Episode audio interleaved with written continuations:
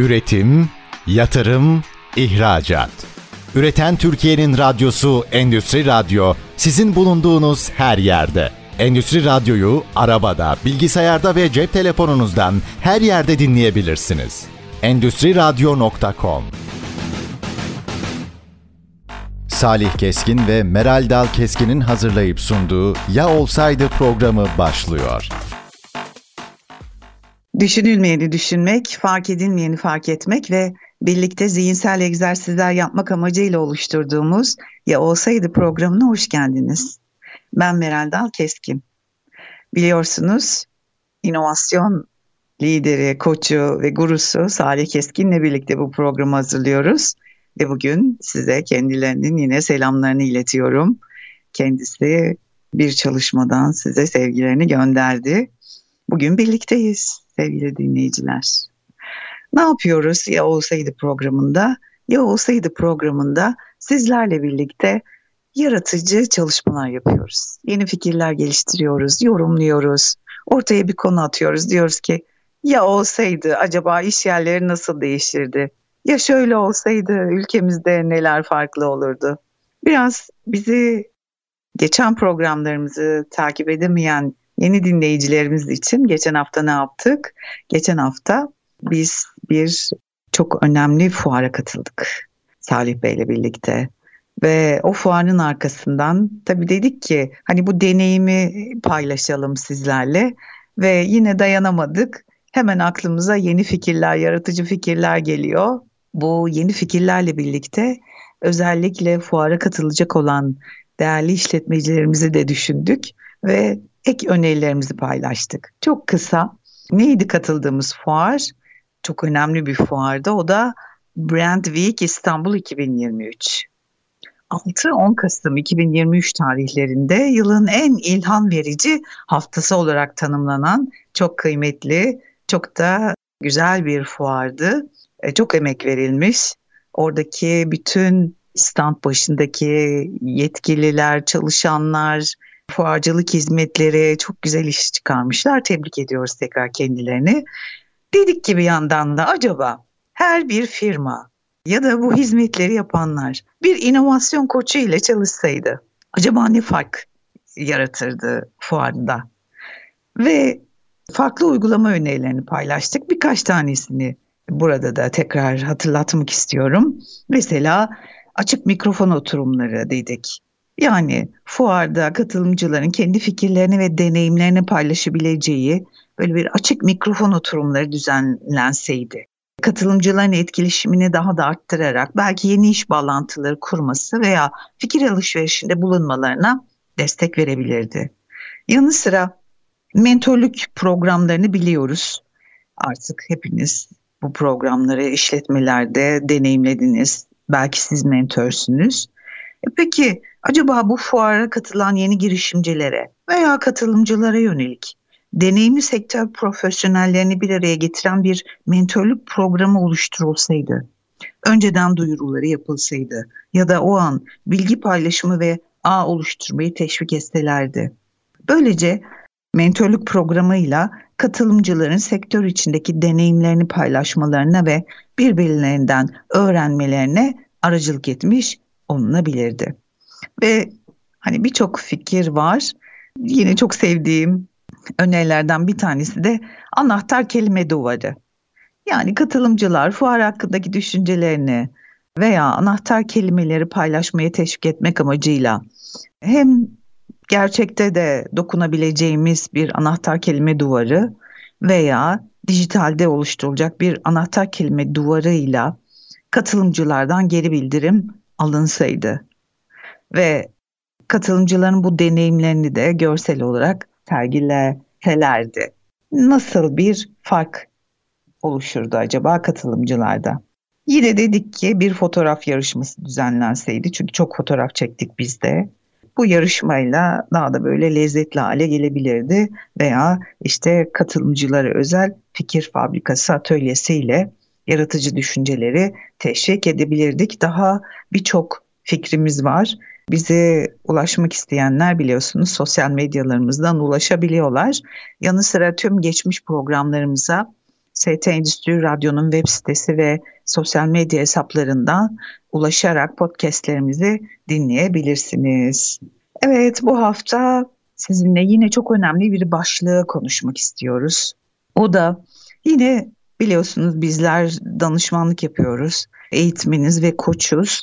Birçok kurumla hafta içinde çalışıyoruz ve bu kurumlarda gözlemlediğimiz gelişim alanlarını ya da sorun alanlarını sizinle birlikte değerlendiriyoruz. Hem bireysel çalışmalar yapıyoruz bu anlamda hem de konuklarımızla mümkün olduğunca özellikle sizden gelen talepler doğrultusunda da uzman konuklarımızla birlikte ve kendi uzmanlık alanlarımıza dair olan konuları da sizinle paylaşıyoruz. Ve yine bir sorun alanını konuşacağız. O da diyeceğiz ki hemen başlığımıza atalım. Çalışanlar malum çok mutlu değil.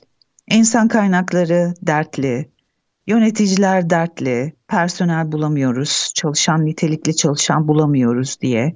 Bir yandan da çalışanlar dertli, iş yerlerinde mutlu değiliz diye.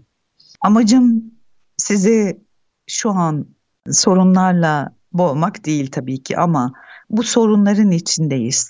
Bunlar bizim iş dünyamızın ana sorunları haline gelmiş durumda. Acaba bunlara bir nebze de olsa nasıl çözüm önerileri geliştirebiliriz? Hem e, akla gelmeyen uygulamalar nedir hem de aslında yapılması gereken şeyler nedir ve neler yapılmıyor acaba? Böyle bir hani checklist deniyor ya bir checklist de oluşturabilirsiniz ve gözden geçirebilirsiniz. O yüzden bu program sadece insan kaynakları profesyonelleri için değil, patronlarımız, yöneticilerimiz ve çalışanlarımız için de önemli bir konuyu başlık olarak atıyoruz. O da diyoruz ki çalışan bağlılığı nasıl arttırılabilir? Çalışan bağlılığı nedir? Tabii ilk önce ona bakmamız gerekir. Ee, yine en son yapmış olduğumuz karışık bir grupta şunu sorduk. Ne kadar motivesiniz? Motivasyonunuz 100 üzerinden kaç? Size soruyorum. Bizi dinleyen dinleyicilerimiz. Şu an şöyle bir bakın motivasyonunuzu, işe dair motivasyonunuzu 100 üzerinden değerlendirmiş olsaydınız kaç puan verirdiniz? Ben hemen neler söylediklerini ifade edeyim size. Çalışanların daha önce motivasyonları ortalama yüzde 50'lerdeydi. 60'lar diyenler vardı, 70'ler diyenler vardı.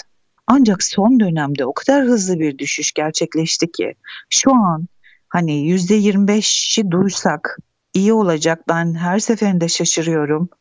Yüzde iki üçler diyenler var. Motivasyonun yüz üzerinden 2-3 dendiği bir yerde ana konumuz çalışan bağlılığı ve motivasyonunu e, arttırmak olmalı diye düşünüyorum. Bir koç ve eğitmen olarak. Peki niye bu konuyu sürekli getiriyorsun diyebilirsiniz. Biliyorsunuz e, hepimizin çalışma hayatında farklı farklı iş yerleri oluyor. Ben de geçmiş dönemde birçok iş yerinde çalıştım ve çalışan bağlılığının yüksek olduğu kurumlarda da çalıştım. Çalışan bağlılığının düşük olduğu ve kendimi bir çalışan olarak mutlu hissetmediğim yerlerde de çalıştım. Ve şöyle bir geriye dönüyorum. 20 yıl gerisine gidiyorum. 20 yıl önce çalışan bağlılığına önem veren kurumlarda çalışan bir çalışan ve yönetici olarak sizinle bugün bu konuyu konuşacağım. O günden bugüne Türkiye'ye baktığımda çok da fazla bir ilerleme kaydedemediğimizi görüyorum.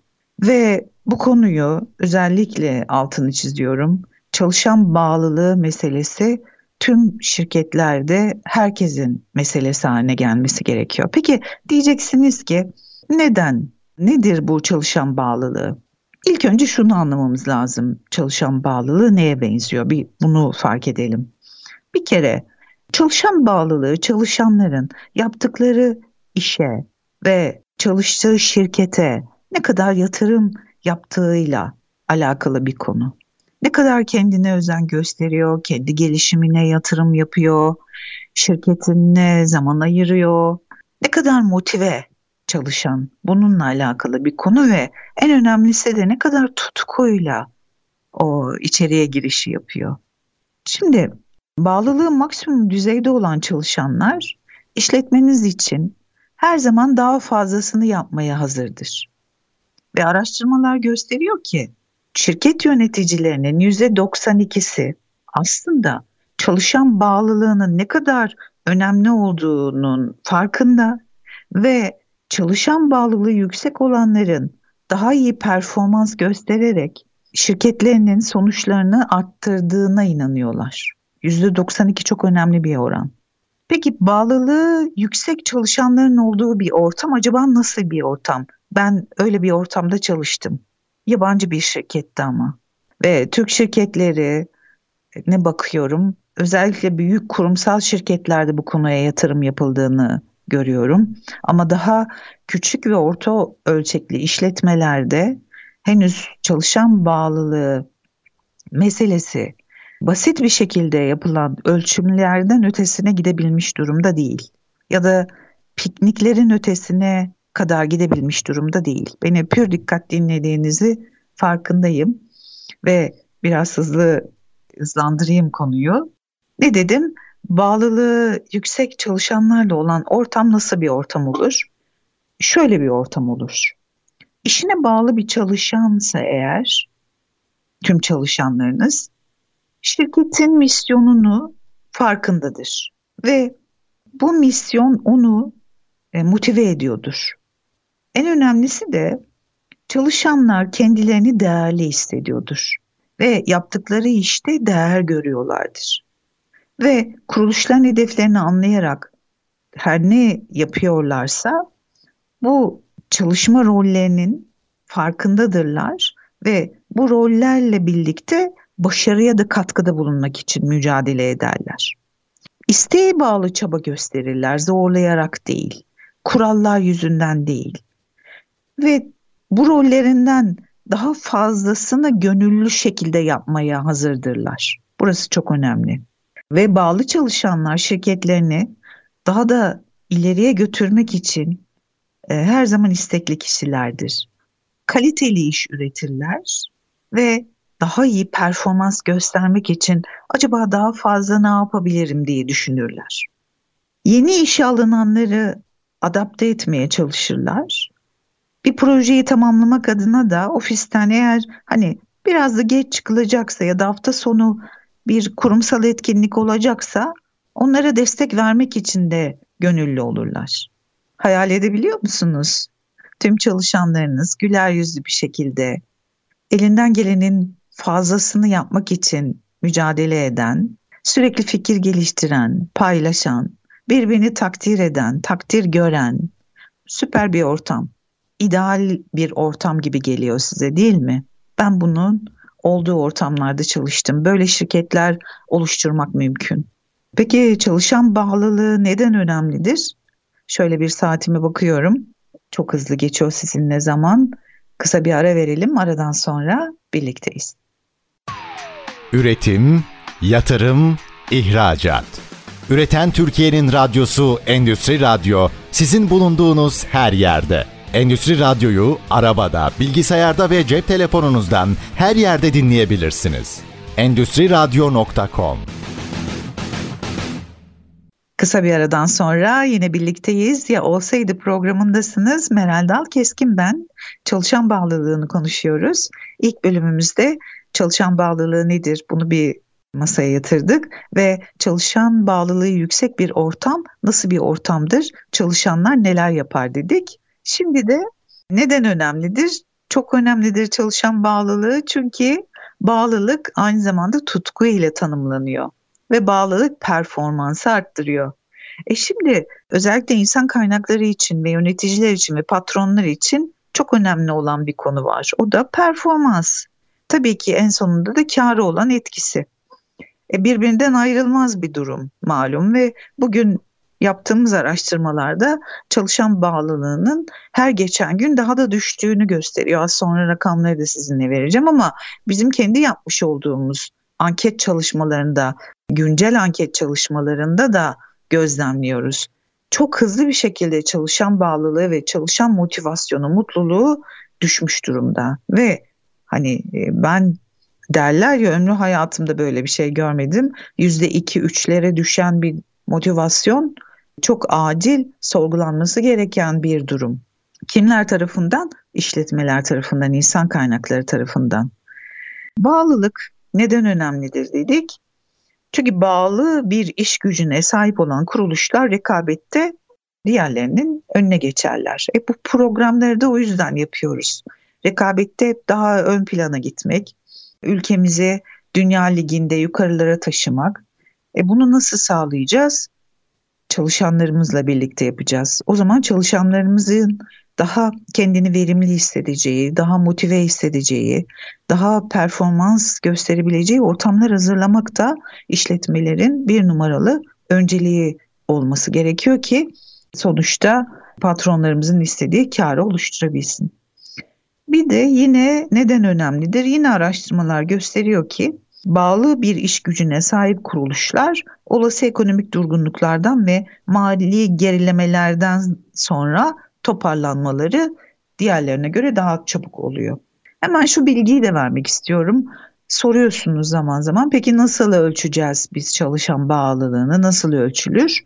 Farklı anket türleri var. Burada insan kaynakları departmanı tarafından dışarıdan destekle veya içeride bazı anketleri vardır. Bunu uygulayabilirler. Tavsiyem eğer içeride uzun zamandır uyguladığınız anketler varsa bunları tabii ki güncellemenizdir. Ama neler var? Çalışan bağlılığı anketleri var en başta.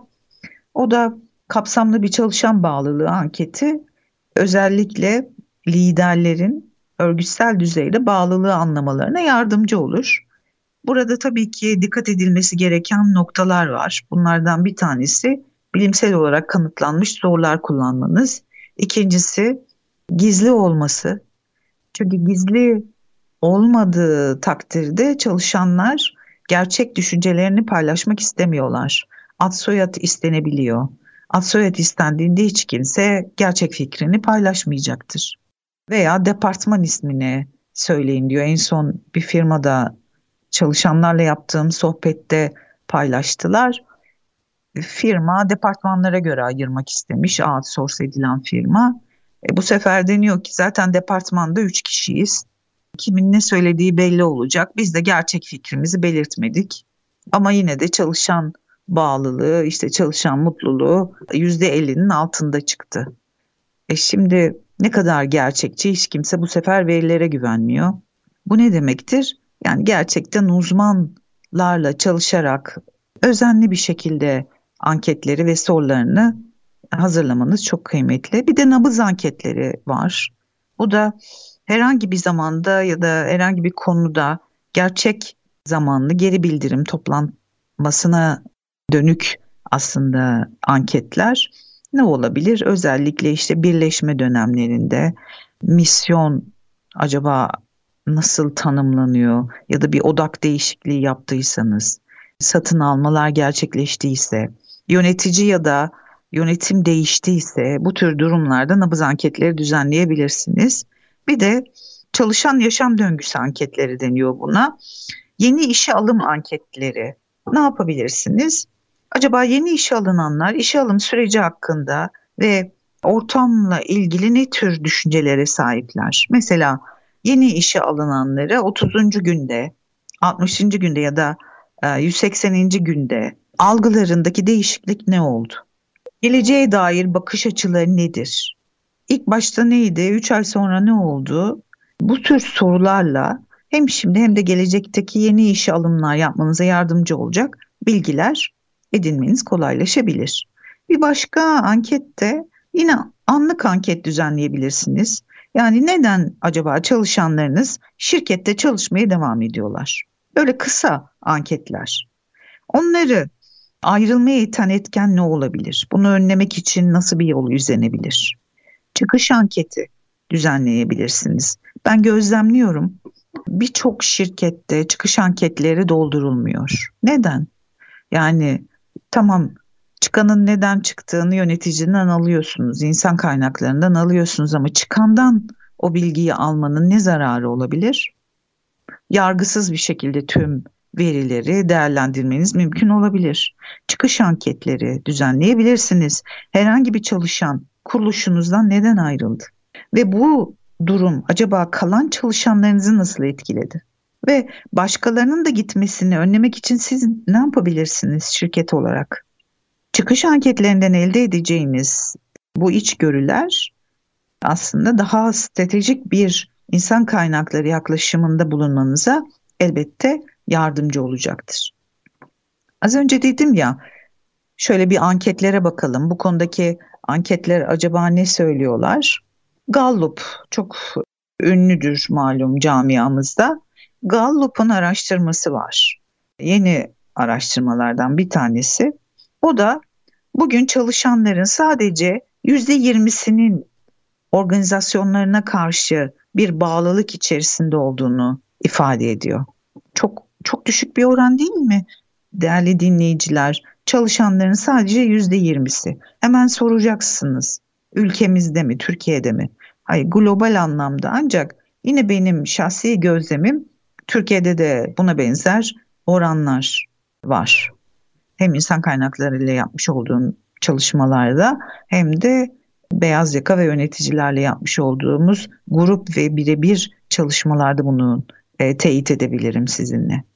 Ve bu oran gün geçtikçe daha da azalıyor. Mesela bir önceki yıl yüzde 22 idi.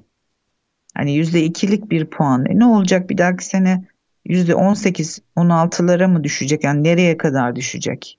Bu çok endişe verici bir durum gerçekten. Tabii ki burada şirketlerin bir an önce insan kaynakları politikalarında çalışan bağlılığının arttırıcı düzenlemelere gitmesi ve belki de performans sistemlerini de bu açıdan değerlendirilmesini gerektiriyor. Çünkü görünüyor ki önlem alınmadığı sürece özellikle yetenekli çalışanların önemli bir kısmı zamanla kaybedilebilir.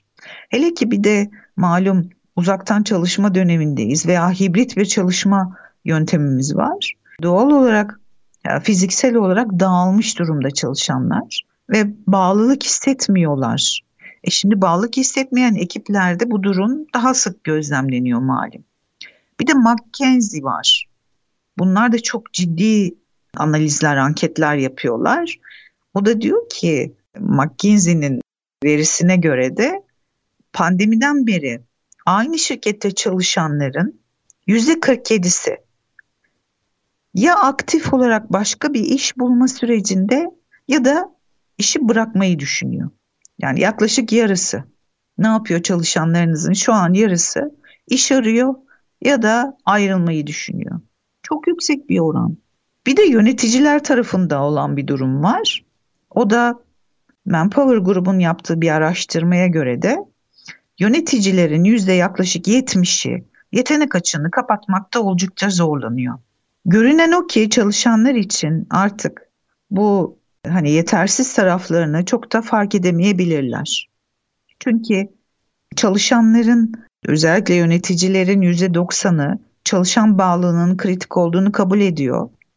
Ancak yüzde yirmi altısı şirketlerindeki çalışan bağlılığının iyi olduğunu düşünüyor. Yani yine hani oranlar aynı yüzde yirmilerde bir bağlılık vardı. Yöneticiler de diyor ki yüzde yirmi altısı bağlı zaten diğeri bağlı değil. McKinsey dedik farklı bir araştırma da şunu söylüyor.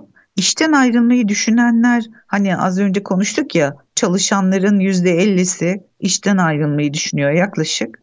İşte bu işten ayrılmayı düşünenlerin de yüzde elli dördü şirketleri tarafından yüzde 52'si de direkt yöneticileri tarafından değer görmediklerine inanıyorlar.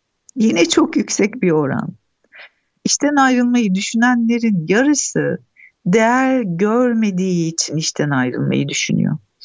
Ve yüzde 51'e kendisini şirketinte ait hissetmiyor. Yüzde 24'ü de diyor ki bana yol gösterecek bir mentörün eksikliğini hissediyorum. Yüzde 21'i diyor ki kariyer gelişmeme yönelik olan alan yeterince tanımlanmamış. O yüzden ayrılmayı düşünüyorum diyor. %16'sı da yöneticisinden yetersiz geri bildirim ya da geri bildirim almamaktan dolayı işten ayrılmayı düşünüyor.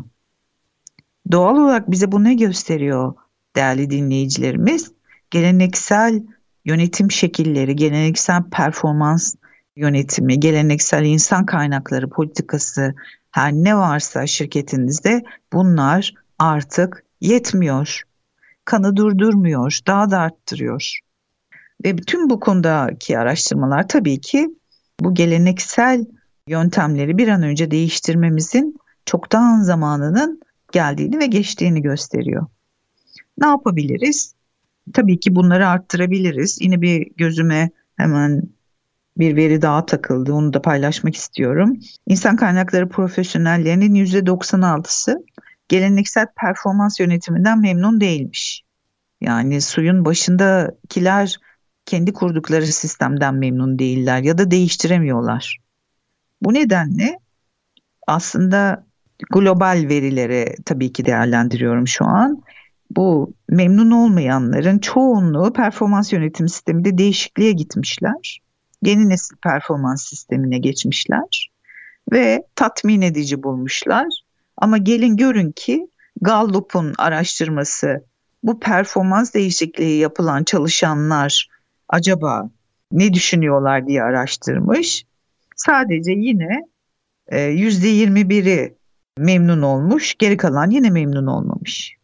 Yani yine mevcut sistemler, performans değerlendirme sistemleri çalışanlar için tatmin edici değil. Peki çalışan bağlılığını nasıl arttırabiliriz? Merak ediyorsunuz biliyorum. Çalışan bağlılığını arttırmak için neler yapabiliriz? Ona geçmeden önce şimdi çalışan bağlılığının kriterlerini bir çok hızlıca geçelim. O kriterleri tek tek lütfen siz de düşünün. İnsan kaynakları yöneticisi olabilirsiniz, profesyonel olabilirsiniz. İş yeri de patron olabilirsiniz, yeni iş kuruyor olabilirsiniz. Küçük, orta ya da büyük bir işletme e, yönetiyor olabilirsiniz. Çalışan bağlılığı dediğimizde kriterler şu. İş tatmini. Çalışanların işlerinden memnuniyet düzeyi nedir? İçerideki liderlik ve yönetim. Burası da çok önemli. Çünkü iyi bir etkili bir yönetim ve liderlik çalışan bağlılığını arttırabiliyor. Kariyer gelişimi yine e, önemli bir faktör. Adalet ve eşitlik önemli bir faktör. İletişim çok önemli bir faktör. Çalışma, takım çalışması, iyi bir takım çalışması ortamı genel bağlılığı arttırıyor. Çalışma koşulları, iş ortamı, güvenli, temiz ve çalışanların verimli olmasını sağlayan bir ortam. Aynı zamanda çalışanların başarılarını tanımak ve ödüllendirmek motivasyon ve bağlılıklarını arttırabiliyor. Bunlar önemli kriterler. Bu kriterler eğer işletmenizde doğru düzgün işletiliyorsa çok doğru bir yoldasınız. Sonuçları olumlu bir şekilde alacaksınızdır.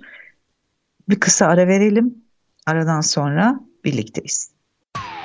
Üretim, yatırım, ihracat. Üreten Türkiye'nin radyosu Endüstri Radyo sizin bulunduğunuz her yerde. Endüstri Radyo'yu arabada, bilgisayarda ve cep telefonunuzdan her yerde dinleyebilirsiniz. Endüstri Radyo.com Kısa bir aradan sonra birlikteyiz. Ya olsaydı programındasınız. Meral Dal Keskin ben. Başlığımız çalışan bağlılığını nasıl arttırabiliriz? Çok önemli bir konuyu konuşuyoruz. Pür dikkat bizi dinliyorsunuz. Arada da yazıyorsunuz. Sorularınız oluyor. Ne dedik en son? Çalışan bağlılığının kriterleri nedir? Ve çeşitli anket sonuçlarını çalışıyorduk. Anket sonuçları gün geçtikçe düşmekte. Çalışan bağlılığı %20'lere düşmüş durumda. %80 çalışan bağlı değil. Bu her anlamda sonuçlara yansıyor. Ne yapabiliriz? Yine bir araştırma sonucuyla devam edelim. Şimdi özellikle çalışana misyonu takip etmesine salık vermek çok önemli. Ama bunu nasıl sağlayabiliriz? En başta çalışanı hedefleriyle ilgili söz sahibi yapabiliriz. Hedef ve strateji belirleme, performans yönetimi ve çalışan bağlılığı arasındaki bağlantının belki de en önemli köprüsüdür. Buna karşın Gallup'un araştırması hedeflerini belirlemede rol sahibi olan çalışanların oranının sadece %30 olduğunu gösteriyor. Yani %30 kendi hedeflerini kendi belirleyebiliyor. Ne ile birlikte? Şirketin misyonu, vizyonu ve hedeflerine paralel olarak. Peki geri kalan %70 bunu yapamıyor. E şimdi burada %30 çalışan kendisi belirleyebiliyor. Oranlar hani bağlılık oranı %20. E diğerleri diğerleri de e, tabii ki kendi hedeflerini kendi belirleme sürecinde söz sahibi olmak istiyor. Ancak bunu sağlayabilecek bir ortam yok. Ve yine Gallup'un araştırması diyor ki hedeflerinin neler olacağını katkıda bulunma şansı yakalayan çalışanlar 3.6 kat daha çok bağlılık hissediyorlar. Çok önemli bir oran. Diğeri, diğer başlık çalışana yeterli ve yapıcı geri bildirim vermek. Bu kavramlar artık yerleşmek durumunda. Yapıcı geri bildirim. Halbuki geri bildirim halen haddini bildirmek olarak tanımlanıyor ülkemizde. Yani bunu böyle tanımladığımda eğitimlerde herkes kafasını sallıyor evet. Ama bunu yani yöneticilerin olduğu yerde de söylediğimde kafasını sallıyor, katılıyor bana yani haddini bildirmek. Çünkü kendisi de buna maruz kalıyor. Kendi maruz kaldığı şeyi uyguluyor. Şirket kültürü haline gelmiş. Çalışana yeterli ve yapıcı geri bildirim verdiğinizde çalışan bağlılığı artabiliyor. Bugün çalışanların %33'ü daha çok geri bildirim duymak istiyor. Ve yine enteresan bir oran. Bakın ne kadar birbiriyle alakalı. Çalışanların yaklaşık yarısı iş yerlerinde onlardan ne beklendiğini net olarak bilmiyor değerli dinleyiciler.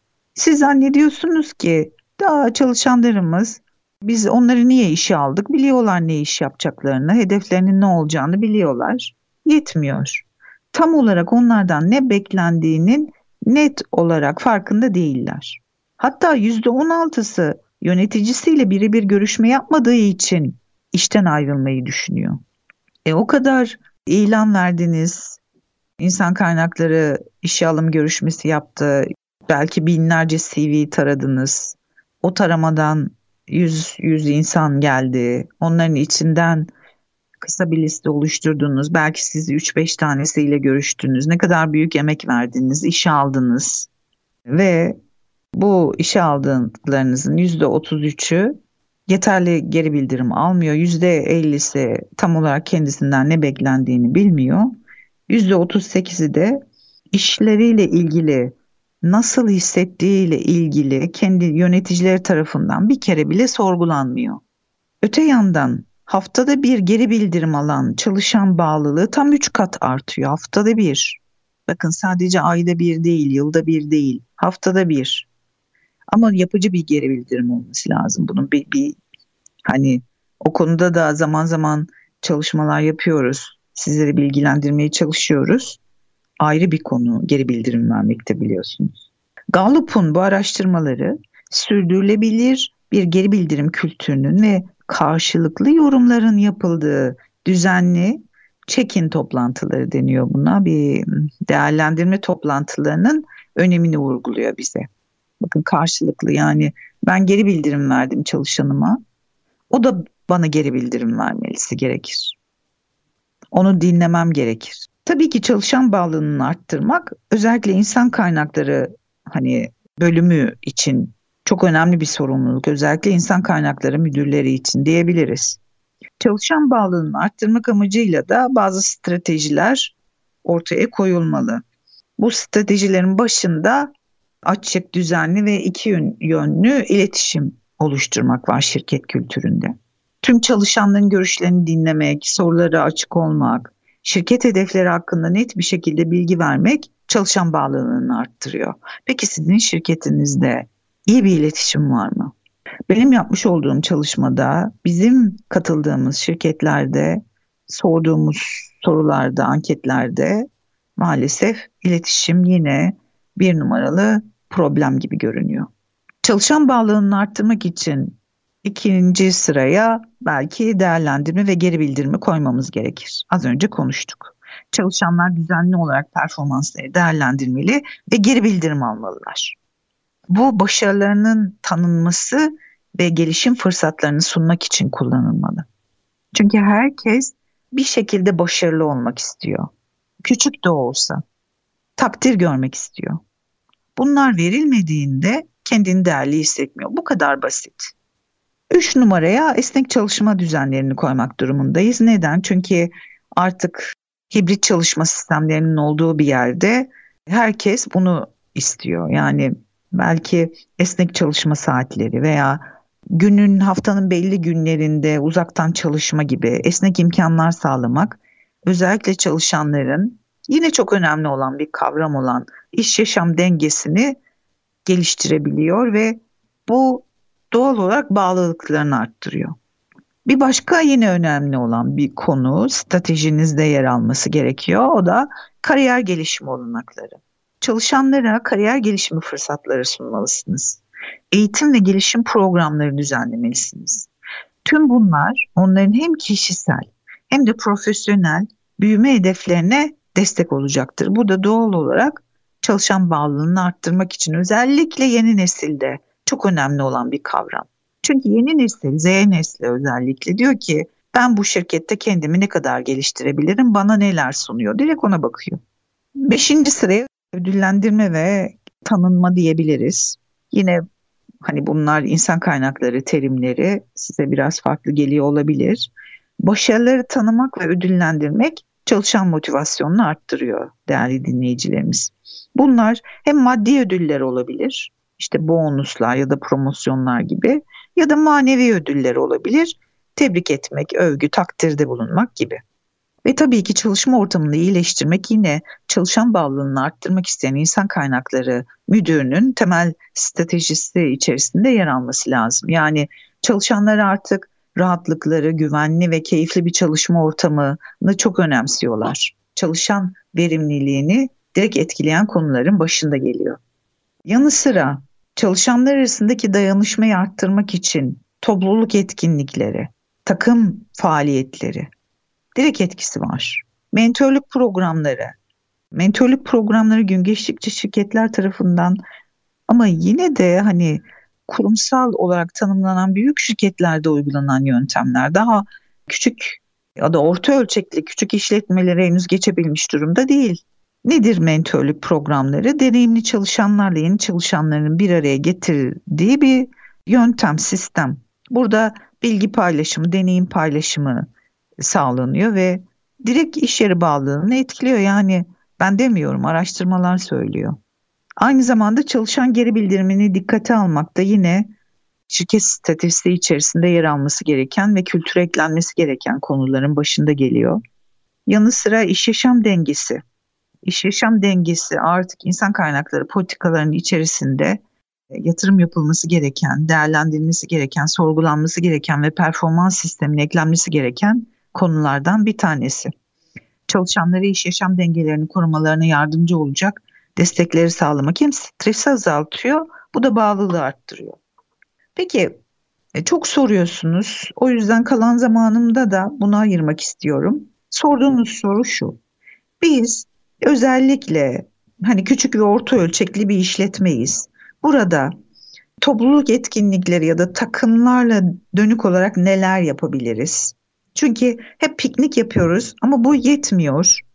Özellikle yöneticilerden geliyor. İnsan kaynaklarını biraz dert edinmişler. Sadece piknik yapıyoruz. Hocam başka da bir şey yapmıyoruz diye ama ne yapabiliriz diyorlar.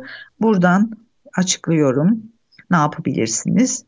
Tabii ki piknik özellikle Türk toplumunda hepimizin sevdiği konuların başında geliyor. Yani güzeldir piknik yapmak gereklidir ama hep piknik piknik tabii ki olmaz. Bir de pikniği nasıl yapıyorsunuz? Yani orada eğer oyun oynuyorsak hep birlikte e, sohbet ediyorsak bu takım oyunları var. Takım oyunlarında hoşça vakit geçiriyorsak bizim birbirimize olan bağlılığımız ve işe bağlılığımızı güçlendiren bir konudur. Yine araştırmalar bunu destekliyor. Pikniğe devam. Ama yetmez yanına ne koyabiliriz? Yine bizim kültürümüze uygun spor turnuvaları. Yani küçük bir futbol turnuvası, masa tenisi yarışması veya hani voleybol, basketbol gibi spor etkinlikleri hem e, bizim rekabet duygumuzu tatmin edecektir. Hem de eğlenceli bir şekilde günü tamamlamamıza destek olacaktır. Burada yine erkekler arasında olduğunu gözlemliyorum. Kadınlar için de bence bu oyunlar düzenlenmeli ve hani hiç kadınlar arasında bunu duymadım herhangi bir kurumda. Kadınlar niye peki bu tür organizasyonları düzenlenmiyor? Buradan da hatırlatmış olalım. Diğeri yemek partileri verilebilir. Takımlar bir araya gelebilir. Birlikte yemek yapabilirler. Ya da hep birlikte hani getirilen yiyecekler paylaşılabilir. Yani eskiden bunları okullarda yapardık. Şimdi iş yerlerinde neden olmasın? Ekip içinde samimi bir atmosfer yaratmaya yardımcı olabilir. Yani herkes bir şekilde birbirinden yemek tarifi alıyor ya da güzel yemekler yapanlar var. Hani hep biliriz deriz ki işte Mehmet Bey çok güzel çiğ köfte yapıyordur. Ece çok güzel kek yapıyordur. Getirsin iş yerine bir yemek partisi düzenleyelim. Herkesin hünerlerini bir görelim. Çok eğlenceli olmaz mı? Yaptığınızda lütfen bize de haber verin. Hatta lütfen fotoğraflarınızı da gönderin. Paylaşalım sosyal medyalarımızdan. Diğerlerine ilham versin diye yapıyoruz ama tüm bunları. Yanı sıra tabii ki bir eğitmen koç olarak eğlenceli atölye çalışmalarının etkisini burada hatırlatmak durumundayım. Yani takım üyelerine yönelik eğlenceli ve yaratıcı çalışmalarda özellikle resim, müzik, dans ya da hani yaratıcılık gerektiren atölyeler acayip işe yarıyor tavsiye ederim. Bir de özellikle takımlara dönük böyle escape room deniyor. E, kaçış odası etkinlikleri. Hem gidebilirsiniz ekibinizle birlikte bir hafta sonu ya da yine bununla ilgili firmalar var araştırırsınız. Bina içerisinde yani iş yerinizin olduğu bina içerisinde bir takım takım oyunları düzenlenebiliyor. Özellikle işte bir şeyleri buluyorsunuz, problem çözüyorsunuz. Böylece ekip üyelerinin özellikle farklı departmanlarda takımları oluşturursanız harika etkinlikler. Ve tüm bu söylediklerim de çalışan bağlılığını etkileyen oyunlar aslında, faaliyetler. Yine eskiden daha çok görüyordum, son dönemde hiç karşılaşmıyorum. O da gönüllü çalışmalar. Yani ekip üyeleriyle birlikte başkalarına yardım etmek amacıyla bir araya gelmek, sosyal sorumluluk projesine katılmak ya da projeyi oluşturmak yine ekip bağlarını güçlendirecektir. Yanı sıra sürpriz etkinlikler düzenleyebilirsiniz. Aniden küçük sürprizler. Günlük rutininizi kırabilir ve ekipteki üyelerin birbiriyle daha yakın ilişki e, kurmasını sağlayabilir. Mesela gizli arkadaş etkinliği düzenleyebilirsiniz. Çalışanlarınıza diyebilirsiniz ki seni gizli arkadaş ilan ettim şu kişi için, şu kişi için. Böyle motive edici notlar bırakabilir masaya. Onu takip edebilir gizli arkadaş diğerini ve e, amacı o gün onun daha mutlu olmasını sağlayacak aktiviteler gerçekleşmek olabilir ve gün sonunda da tahminlerini alırsınız ve açıklarsınız. Herkes birbirine teşekkür eder. Harika bir gün geçirmesini sağlamış olursunuz. Hem de işini devam ettirirken yani küçük dokunuşlardan bahsediyoruz. Tüm bunlar sizin takım olarak bir takım faaliyetler içerisinde olup hem daha keyifli hem de daha mutlu, verimli çalışmalar yapmanızı sağlayacaktır. Yine saatime bakıyorum. Saatimiz dolmuş. Ne konuştuk? Çalışan bağlılığını konuştuk. Çalışan bağlılığı ile ilgili sizlere bir takım ipuçları vermeye çalıştık. Umarım faydası olmuştur. Beni sabırla dinlediğiniz için teşekkür ediyorum. Tekrar görüşmek dileğiyle.